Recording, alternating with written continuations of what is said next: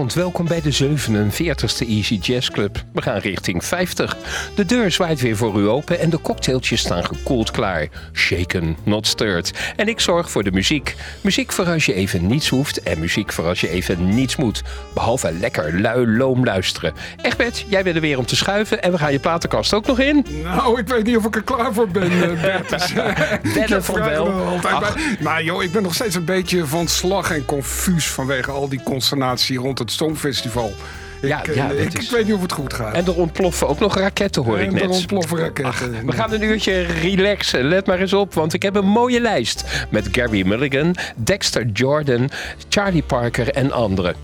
Onze grote vriendin Brunhilde is ziek en Egbert en ik, wij wensen je allebei beterschap. Klopt Egbert? Heel, nou, ik heb het vanmiddag al gedaan. Doe het gewoon twee keer, dat kan niet missen. Geniet maar lekker van dit uur, Brunhilde, want een beter medicijn is er niet. Anders zijn we ook weer terug te beluisteren en te downloaden op gemist via www.omroepassen.com. En als u reageert, ben ik blij. Dat kan via Facebook of easyjazzclub.gmail.com. We gaan beginnen. De volgende artiest werkte samen met Frank Sinatra, Elvis Presley en Paul McCartney. En toch kennen we El Cayola niet. Dat ga ik even regelen. Deze gitarist maakte 50 albums en componeerde onder andere de filmmuziek voor de kanonnen van Navarone. Hij staat bekend als een gitaarchameleon. Dat betekent dat hij zich moeiteloos aanpaste aan allerlei andere stijlen. Waarschijnlijk is hij daarom ook onbekend. Je zag hem helemaal niet. Nu wel, ik laat zijn thema The Magnificent Seven horen.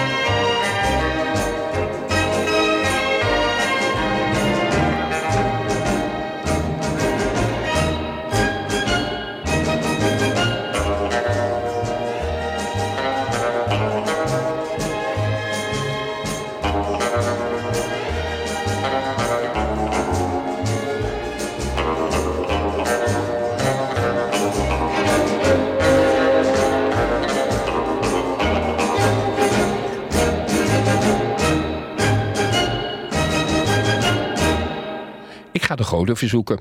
Gitarist Barney Kessel. Na vorige week durf ik eigenlijk bijna niet meer. Ik liet toen, misschien weet u het nog, tot twee keer toe een nummer van Coleman Hawkins horen terwijl ik Barney Kessel aankondigde. Ik dacht toen, drie keer is scheepsrecht. Als het nu weer meesgaat, dan kunnen we spreken van de Barney Kessel vloek en dan geef ik het ook volledig op. Hij speelde mee op het legendarische album The Pole Winners uit 1957. Dat deed hij samen met onder andere bassist Ray Brown. Een album dat terecht lovende kritieken kreeg. En als het allemaal een beetje meezit, hoort u dus nu een track van dit album, Satin Doll.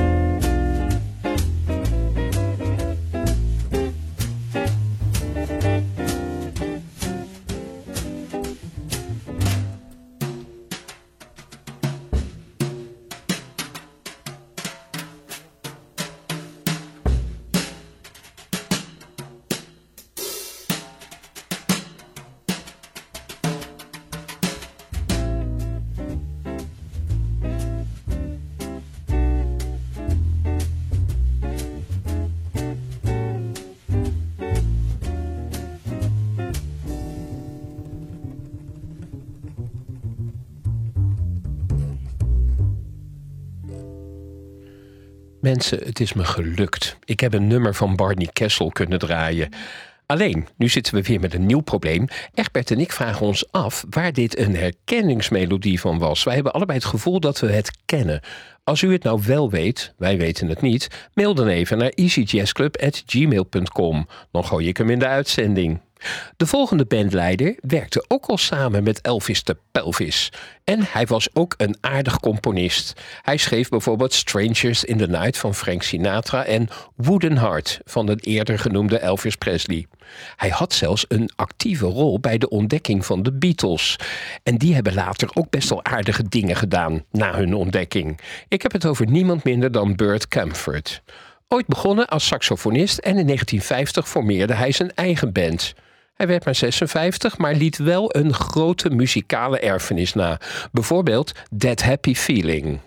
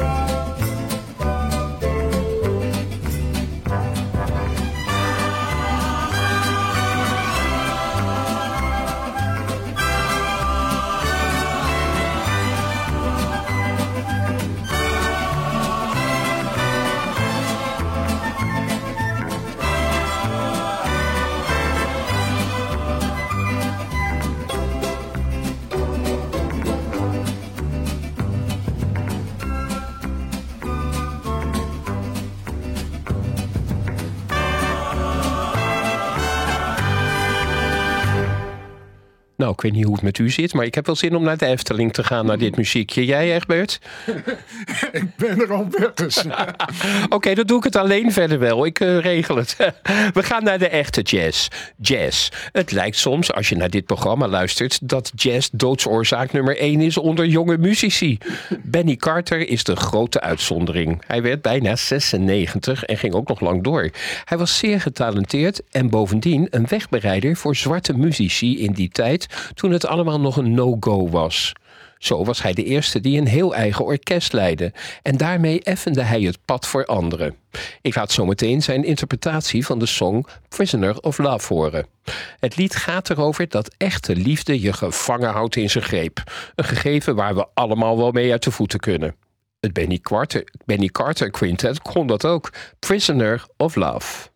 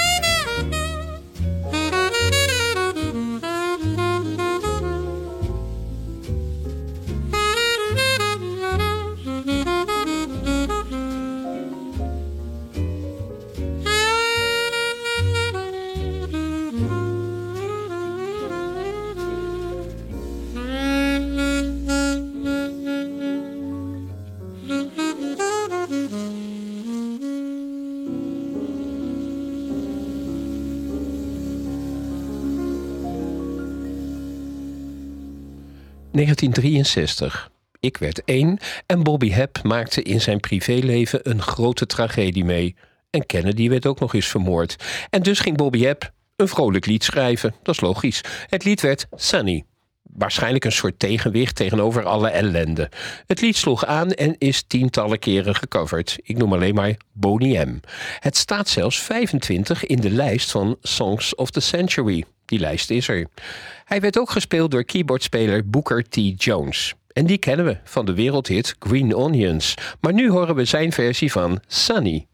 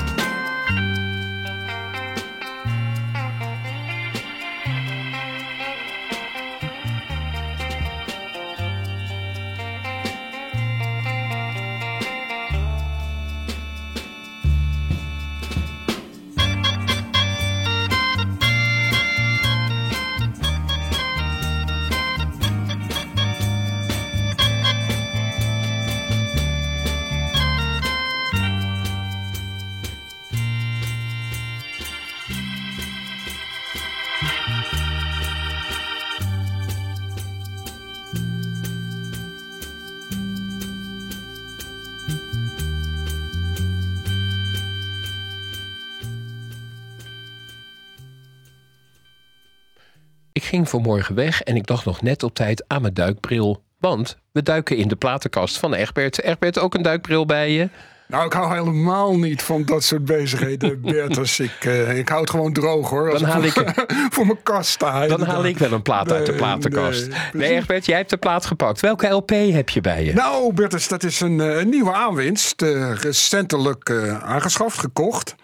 de LP Taking Off van uh, Herbie Hancock, de heruitgebrachte versie om precies te zijn, van zijn eerste soloalbum uit 1962, denk ik. Uh, mijn jaar.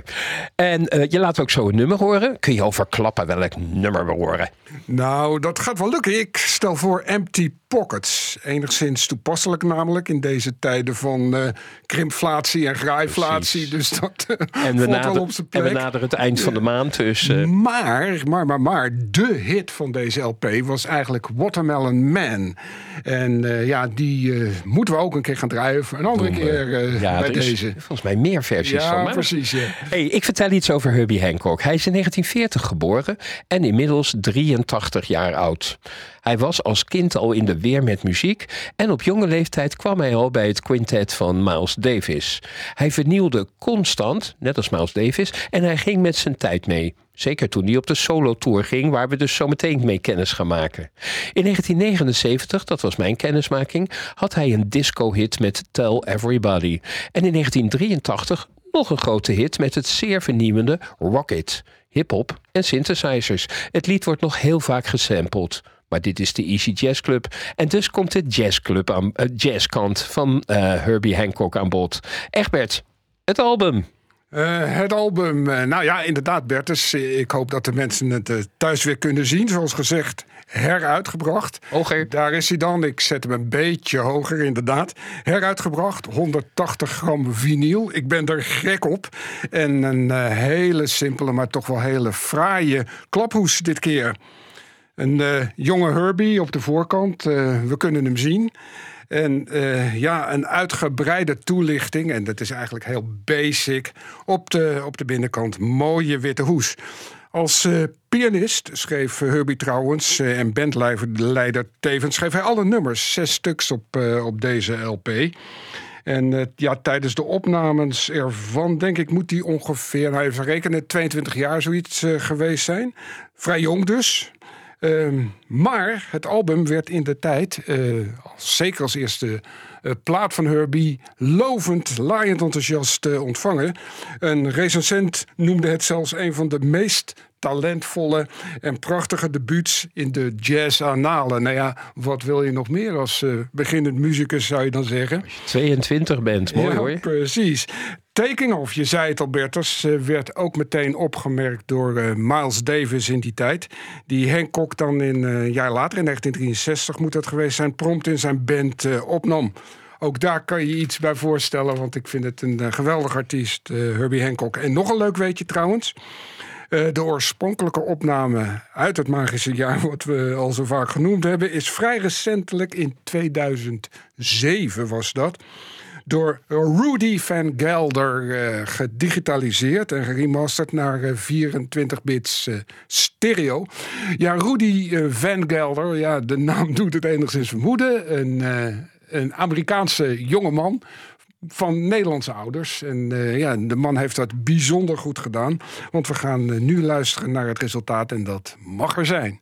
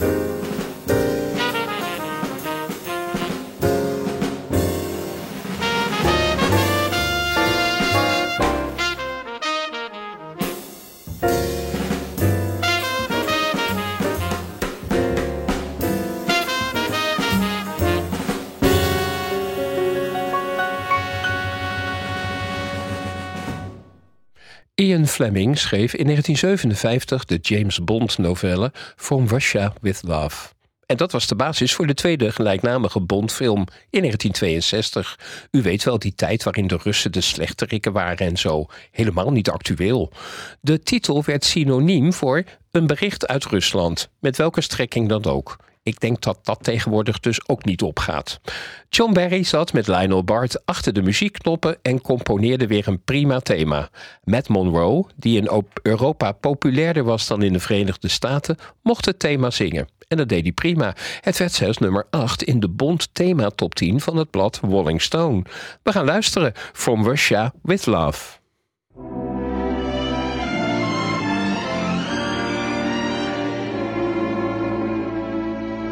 From Russia with love, I fly to you much wiser since my goodbye to you. I've traveled the world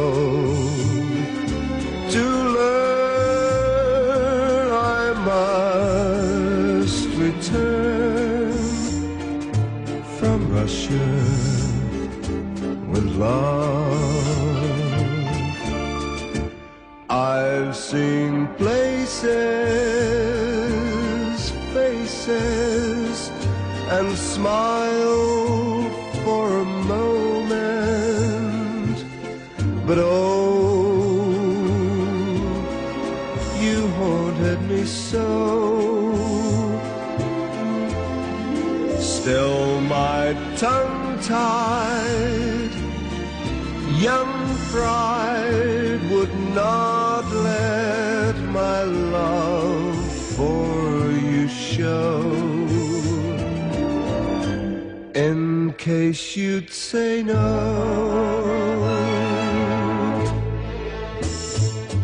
to Russia, I flew, but there and then. I suddenly knew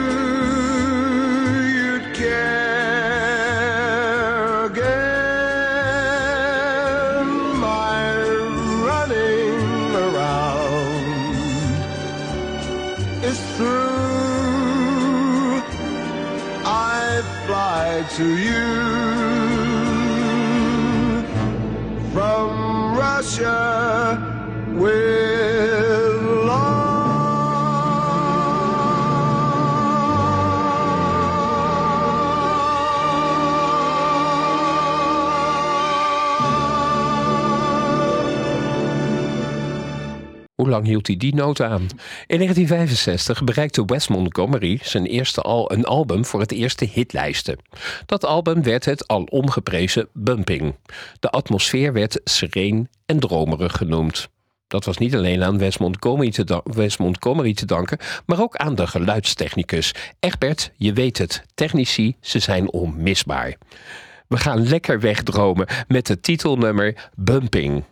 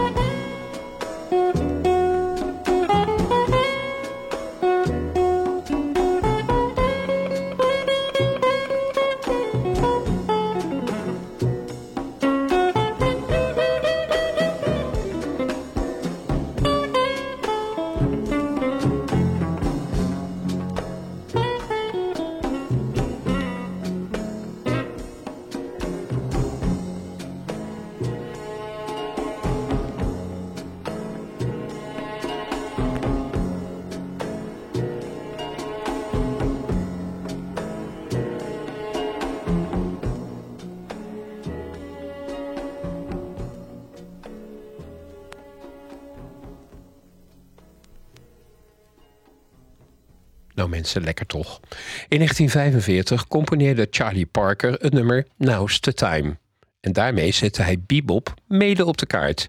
Mede daardoor wordt Parker gezien als een van de meest invloedrijke jazzmuzici. Geniaal op de saxofoon en ook nog eens een goed improvisator. En, zoals de dingen gaan, enorm drugsverslaafd. Dat werd hem in 1955 fataal, op 34-jarige leeftijd. Dan denk ik wel eens, hoe zou het allemaal gegaan zijn? Maar ja, het was blijkbaar zijn tijd. Now's the time.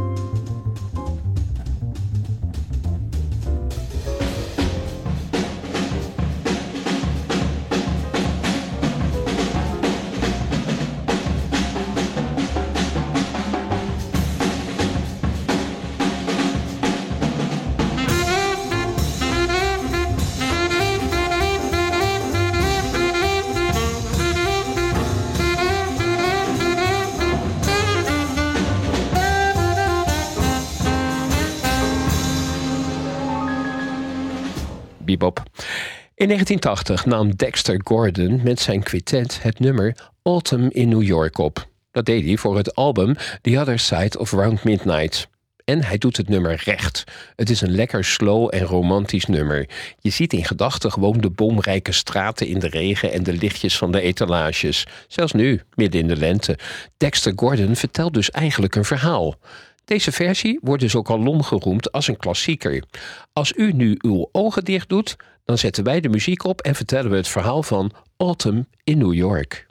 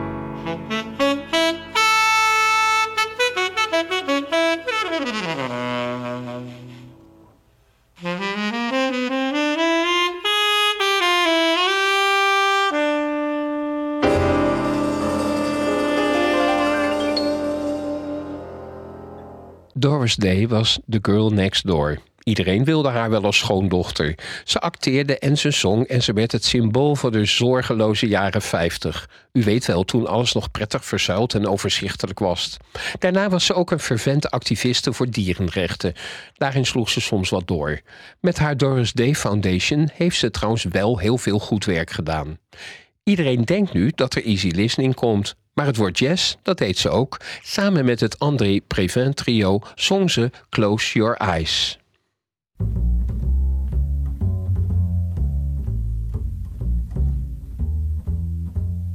Close your eyes. Rest your head on my shoulder and sleep. Close your eyes. And I will close mine. Close your eyes.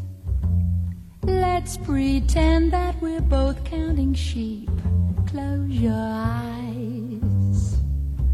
Oh, this is divine. Music play.